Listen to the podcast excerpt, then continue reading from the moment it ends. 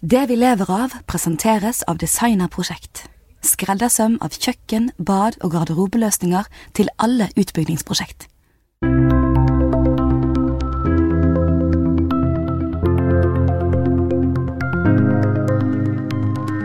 For en dag! For en dag!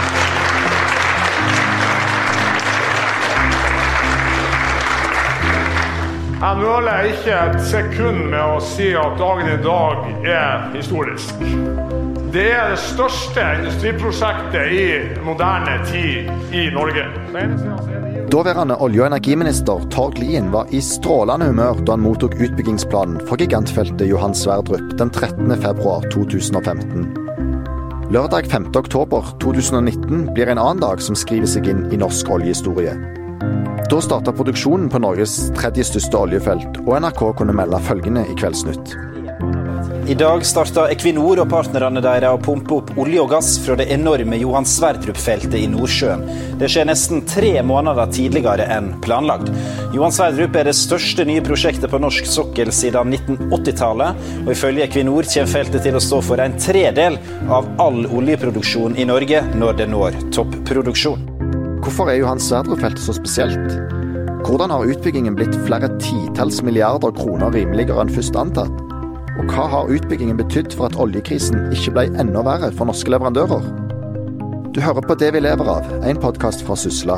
Og denne episoden skal handle om nettopp Johan Sverdrup-feltet. Jeg heter Ola Myrseth, og med meg nå har jeg Aftenblad-kommentator Hilde Øvrebekk og sjeføkonom Kyrre Knutsen i SR-Bank. Velkommen, Kyrre og Hilde. Tusen takk. Takk. Da Johan Sverdrup-feltet starta produksjonen lørdag 5. oktober, var det en historisk begivenhet for eh, Norge og norsk oljebransje. Hvorfor er dette feltet så spesielt, Kyrre? Det er jo eh, kanskje en av de siste elefantene, og en veldig etterlengta, eh, etterlengta eh, elefant. Altså et av de veldig store eh, feltene som er funnet i nyere tid. Og eh, hvis vi spoler tilbake igjen til for nesten ti år siden, da det ble funnet, så had, var det en litt sånn på sokkelen at nå er kanskje de gode tidene over, og vi rir inn i solnedgangen. Så det skapte jo en, en enormt ny slags entusiasme og optimisme i bransjen. Og så ble det veldig spesielt når det ble utvikla, for det ble satt i gang omtrent når oljeprisen begynte å falle som en stein. Så du fikk et så stort prosjekt som ble så viktig for at ikke situasjonen i oljebransjen ble enda verre enn det han ble. Og nå i nyere tid, altså når de ferdigstiller nå, så tenker jeg at det er det går liksom på rykte og renommé til hele bransjen når de nå leverer et prosjekt som selvfølgelig har generert veldig mye aktivitet, og det har blitt gjort på tid og på kost, eller det har blitt gjort enda raskere enn tid og planlagt kost. Sånn at det er jo med på å bygge opp om historien om at dette er en bransje med vanvittig mye bra kompetanse, kunnskap, teknologi og evne til å gjennomføre vanvittig store prosjekter. Så kommer tilbake til flere av de tingene du nevnte her, men jeg tenkte vi kunne begynne med å gå helt tilbake til begynnelsen. Og Hilde, jeg søkte litt i Aftenbladet-arkivet, og jeg så at du skrev din første sak om det som etter hvert ble Johan Sverdrup da, i 2011. Det var jo ca. ett år etter at det første funnet var blitt gjort. Kan ikke du ta oss tilbake til hva som egentlig skjedde da Johan Sverdrup ble funnet? Først så var det jo Lundin som fant et uh, Luno 1 het det funnet.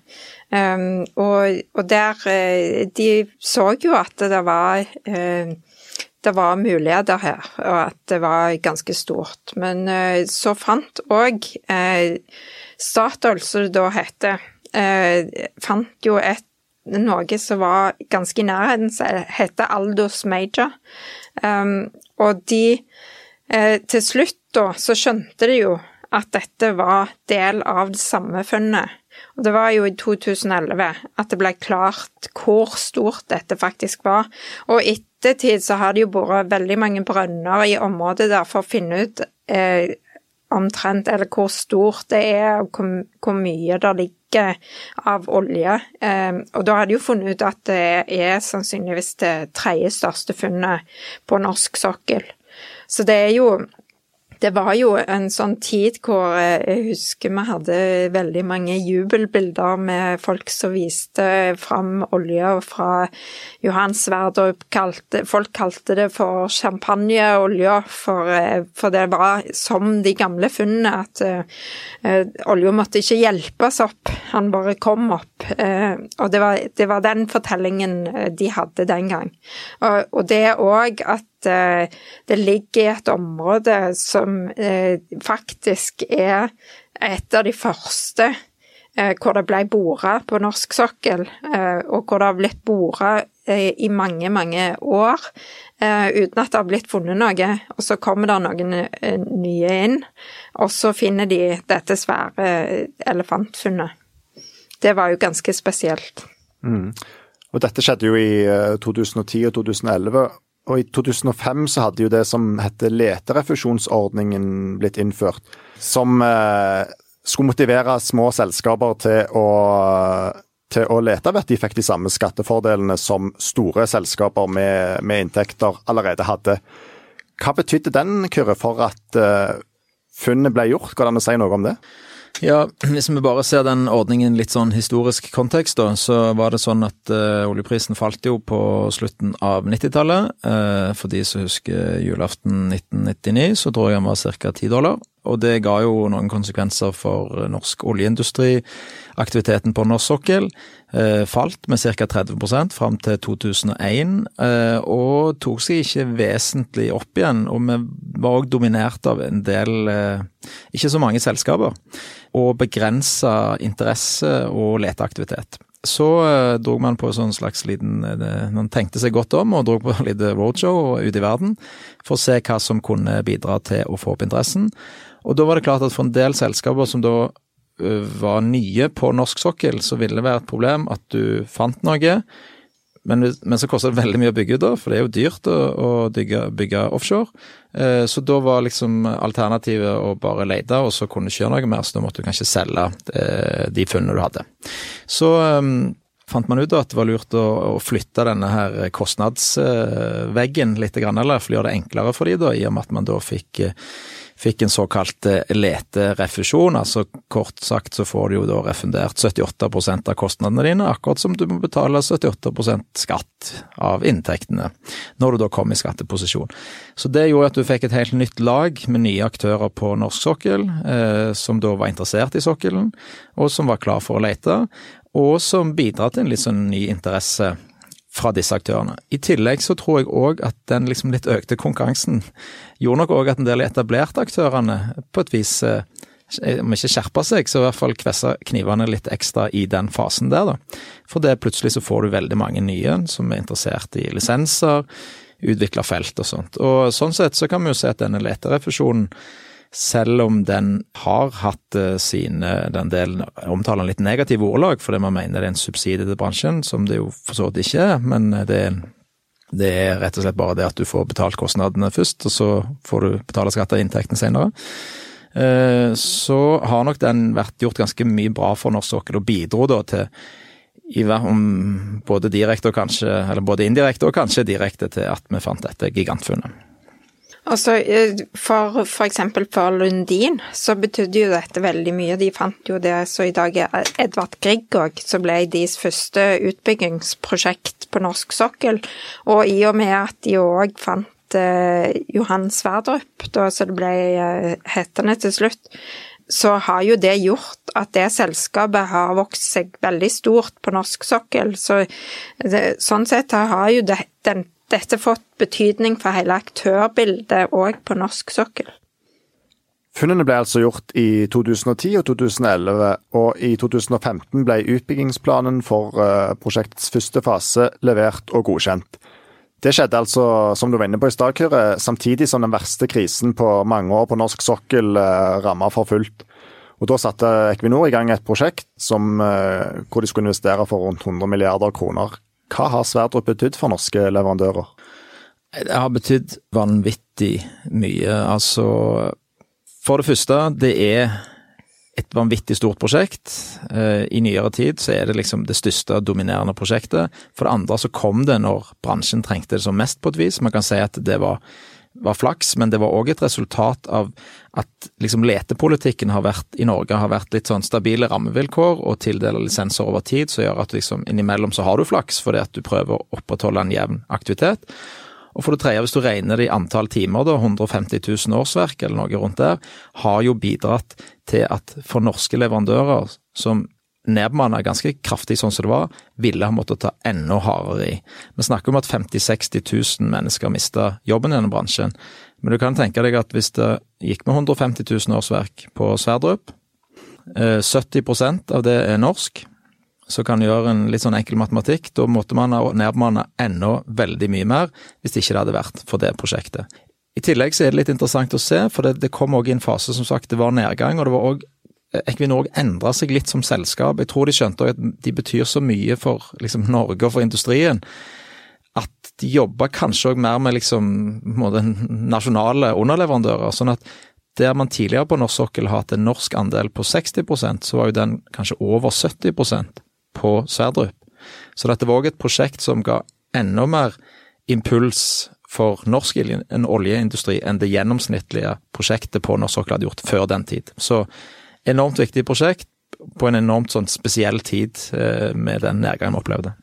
Og så må vi jo ikke glemme egentlig at, eh, at eh, det skal jo leve videre. Så det I driftsfasen så har du òg jobba som f.eks. bedriftsorganisasjoner på Statfjord som skal da legges ned. At, at den fortsette gjennom Johan Sverdrup, at de jobbene opprettholdes av dette prosjektet. Og det skal jo eh, skape store verdier i mange tiår framover.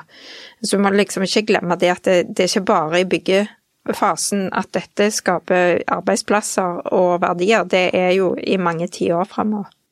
Og Det er jo litt spesielt. sant? Nå det, kommer det opp og gå, omtrent når det er 50 år siden vi fant olja første gangen. Og så har det en produksjonslisens som går 50 år fram i tid, til 2069, hvis jeg husker feil. Så det er jo et, sånn sett et, eh, en slags ganske viktig og, markant symbol òg på at oljebransjen har vart lenge i Norge, og kommer, som Hilde sier, til å ha mye å bety for norsk eh, økonomi i mange år framover òg.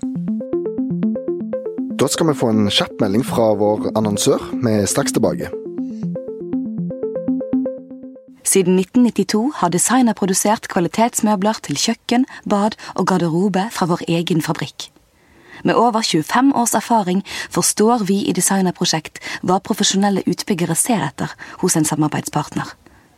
Vi skreddersyr løsninger til alt fra store offentlige anbud til mindre boligprosjekt, og sørger for at du alltid får det du trenger til riktig tid.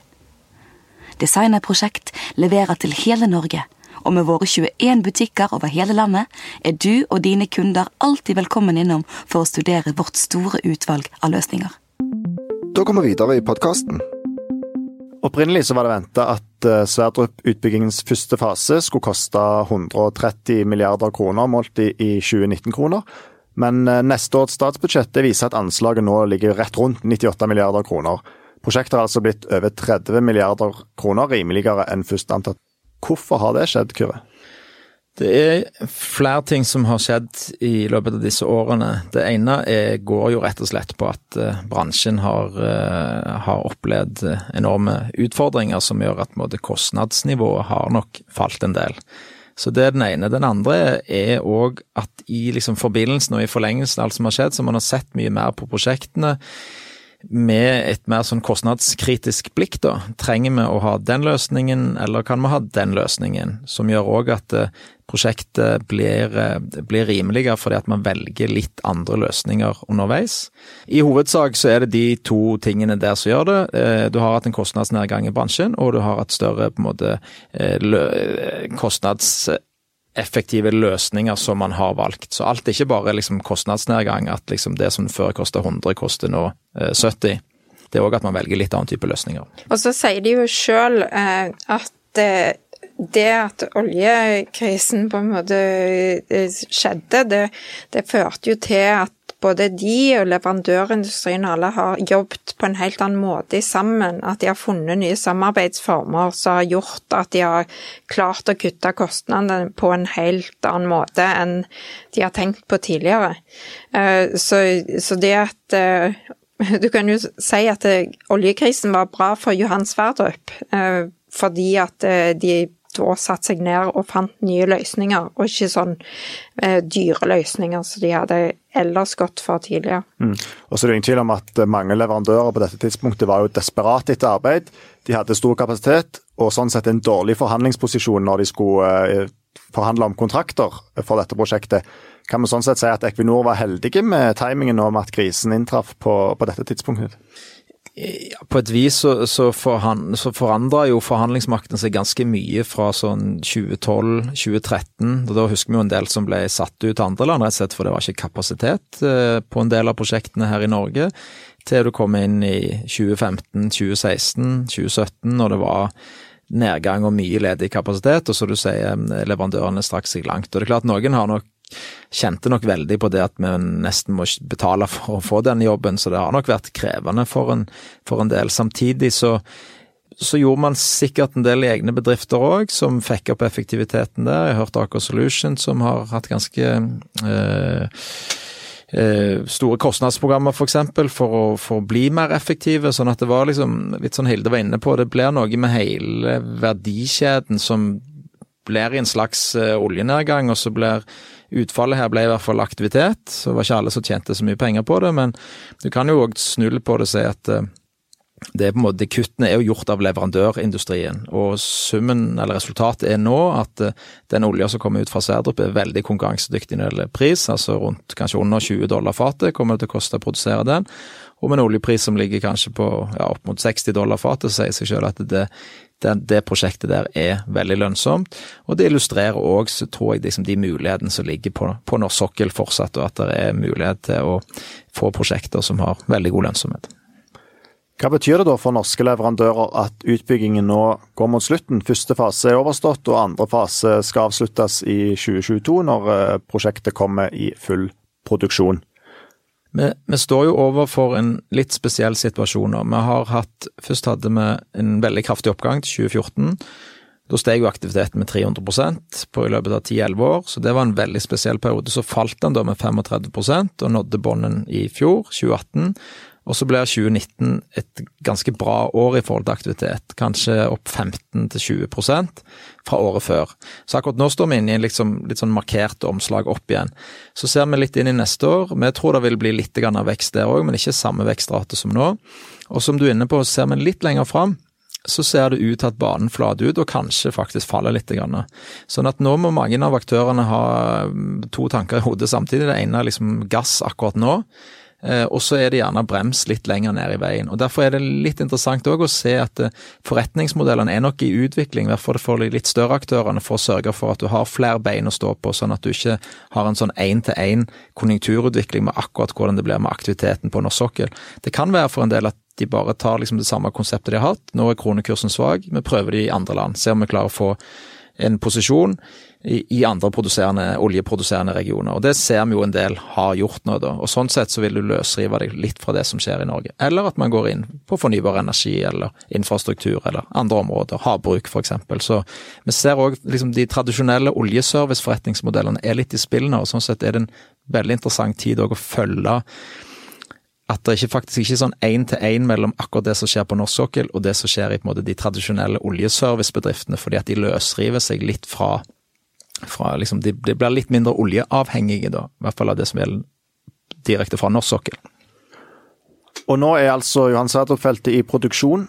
Hva betyr det for de selskapene som er involvert her? Equinor er jo operatør, og så er det Petoro, Aker BP, Total og Lundin som er partnere. Ja, nå begynner de å tjene penger. så da blir, jo, eh, da blir, det jo, penger inn til både selskapene. Petoro sender jo pengene rett til statskassen. Og eh, Equinor eh, kommer jo til det, kommer jo til å se på resultatene eh, allerede neste gang. De skal levere noe. Og som Køre sa, lønnsomheten er jo veldig, veldig høy. Og det, og det er klart at da vil jo òg leverandørindustrien komme og si at nå vil vi ha mer av kaka, vi òg.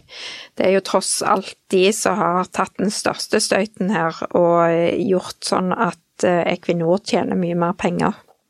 Det er klart dette er en enormt viktig et viktig prosjekt for hele bransjen. Eh, særlig for de som har direkte eierandeler, men jeg tror for hele Olje-Norge, siden det er så stort, det er så omfattende. Det påvirker alltid fra som Hilde var inne på, selskapenes inntjening til Norges eh, inntjening. Og så er det òg Det handler litt òg om liksom legitimiteten, tror jeg, til, til, bransjen. At du fikk opp dette prosjektet nå. At, liksom, at vi ser nå er de i gang å produsere ganske lenge før tid. Eh, bidrar til inntekter, bidrar til arbeidsplasser. sånn at eh, så blir det òg viktig at de på en måte fortsetter å levere på det. sant? Det blir ganske spennende å følge nå de par neste månedene, om de får liksom opp, eh, klare å, å ta opp produksjonen etter hvert det som er til det som er planene.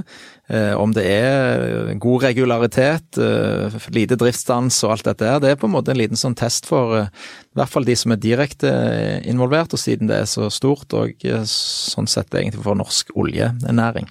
Mm. Ja, for det, har, det, det første året har jo ganske mye Altså den driftstiden som de har det første året, det det er jo veldig avhengig av uh, da hvor mye penger som vil uh, komme ut av det. For har du mye nedetid, så vil du ikke tjene fullt så mye penger. Men du har f.eks. sett på uh, Lundin sin Edvard Grieg, så så du at det var 90% oppetid det første året de produserte. Så hvis de får til det samme her, så betyr det jo mer penger inn. Vi har vært inne på det. Johan Sverdrup er et enormt felt. Eh, totalt så er det mellom to og tre milliarder fat olje der, viser dagens estimater. Og på toppen i 2020 så vil, eh, nei, 2022 så vil det nå en produksjon på 660 000 fat per dag, noe som er, det tilsvarer halvparten av Equinors totale produksjon på norsk sokkel i dag. Du var inne på det, Kyrre. Dette betyr òg noe for eh, Norge som, som helhet. Og, og hva betyr egentlig dette for fellesskapet? Det betyr at vi får enda flere milliarder inn i eh, statskassen, sånn alt annet like, da. Nå har jo eh, oljeprisen falt litt fra i fjor, f.eks., sånn at vi er på lavere nivå nå, så, og gassprisene har òg falt ganske mye. Men det er klart, nå får vi en skikkelig boost i oljeproduksjonen, antall produserte fat som skal selges i et marked, og som gir økte penger i kassen for selskapene og ikke minst for eh, statskassen, siden eh, den norske stat og alle vi som bor i Norge nyter godt av disse oljeinntektene. Så, eh, så det, det, er viktig, altså. Og så er det jo sånn at utover på 2020-tallet nå, så vil produksjonen på norsk sokkel falle ganske markant. og Johan Sverdrup vil jo stå for en fjerdedel av den samla produksjonen der etter hvert. Og i et sånt perspektiv så er vel òg Sverdrup veldig viktig med å opprettholde iallfall til dels eh, produksjonen på norsk sokkel? Det er klart det. Vi har jo i en god del år nå hatt fallende oljeproduksjon, og så har økende gassproduksjon liksom motvirka det. Sånn at uh, totalen har ikke vært sånn aller uh, verst, egentlig. Men, uh, og faktisk steget litt de siste årene. Men nå vil jo totalen, i hvert fall i år og i løpet av neste året, komme godt opp. Og så blir det jo spennende å se om, om, om det fylles på med nye prosjekter. Det vil jo selv om vi skulle finne noe nytt stort nå, så vil det jo ta en god stund før det eventuelt er i produksjon igjen. Sånn at det, ser ut som vi er på en måte på en litt sånn fallende bane noen år ned i veien, nesten uansett. Og Det tar meg egentlig over til det jeg hadde tenkt skulle være det siste spørsmålet, som er noe du eh, sa helt i begynnelsen her, eh, eller spurte om helt i begynnelsen her, og det er eh, er Johan Sverdrup den siste giganten på norsk sokkel? Ja, det, det, er jo faktisk ingen som vet. Eh, for, for det, eh, det trodde de jo kanskje før de fant Johan Sverdrup òg, at eh, nei, nå er det ikke mer av de store funnene. Og jeg tror de ble litt overraska sjøl over hvor de fant det, og, og hvor stort det faktisk var. Så det er det jo faktisk ingen som vet før du leter. Eh, om du finner noe stort. Men selvfølgelig er jo mulighetene mye mindre nå enn de var tidligere, fordi at eh, det har jo blitt leita ganske mye eh, rundt forbi på norsk sokkel etter hvert. Ja, jeg kan jo bare legge til litt der at dette det, det, vet vi ikke, men det vi vet er at det faktisk har vært ganske godt med letelisenser de siste årene. Så selskapene er i hvert fall veldig interessert i å finne et nytt stort felt. Det har ikke vært så vellykka, særlig kanskje oppe i eh, Barents, som eh, en del hadde håpet på. Eh, funnet litt, men ikke noen sånne store elefanter. Men det er klart at så lenge leteaktiviteten er på et forholdsvis høyt nivå, at det deles ut nye letelisenser, så, så vil det i hvert fall være en viss sannsynlighet for at et av disse selskapene finner en elefant. Og jeg tenker Sverdrup òg er en påminnelse om at selv om man ikke finner noe på en stund av eh, veldig stor størrelse, så kan det plutselig dukke opp en elefant fra hatten, nesten ut ifra intet, som det gjorde denne gangen. Vi får følge med, så kan jeg iallfall love at vi skal snakke om det i denne podkasten hvis det skulle dukke opp en ny elefant. Jeg tror vi gir oss med det. Tusen takk for at dere var med, Kyrre og Hilde. Takk. Tusen takk, Ola. Vi kommer snart tilbake med en ny episode av Det vi lever av. I mellomtida tar vi gjerne imot innspill til temaer vi kan snakke om i podkasten. De kan du sende til podkast.sysla.no. Podkast med K. Henrik Svanvik er produsent for podkasten, og jeg heter Ola Myrseth. Takk for at du hørte på. Med over 25 års erfaring vet vi i Designerprosjekt hvilke kjøkken, bad og garderobeløsninger boligkjøpere drømmer om. Besøk oss på designer.no og book et møte i dag for å finne den perfekte løsningen for ditt prosjekt. Vi ønsker å høre din tilbakemelding. Meld deg inn i vårt podkastpanel på skipsstedpanel.no slash podkast.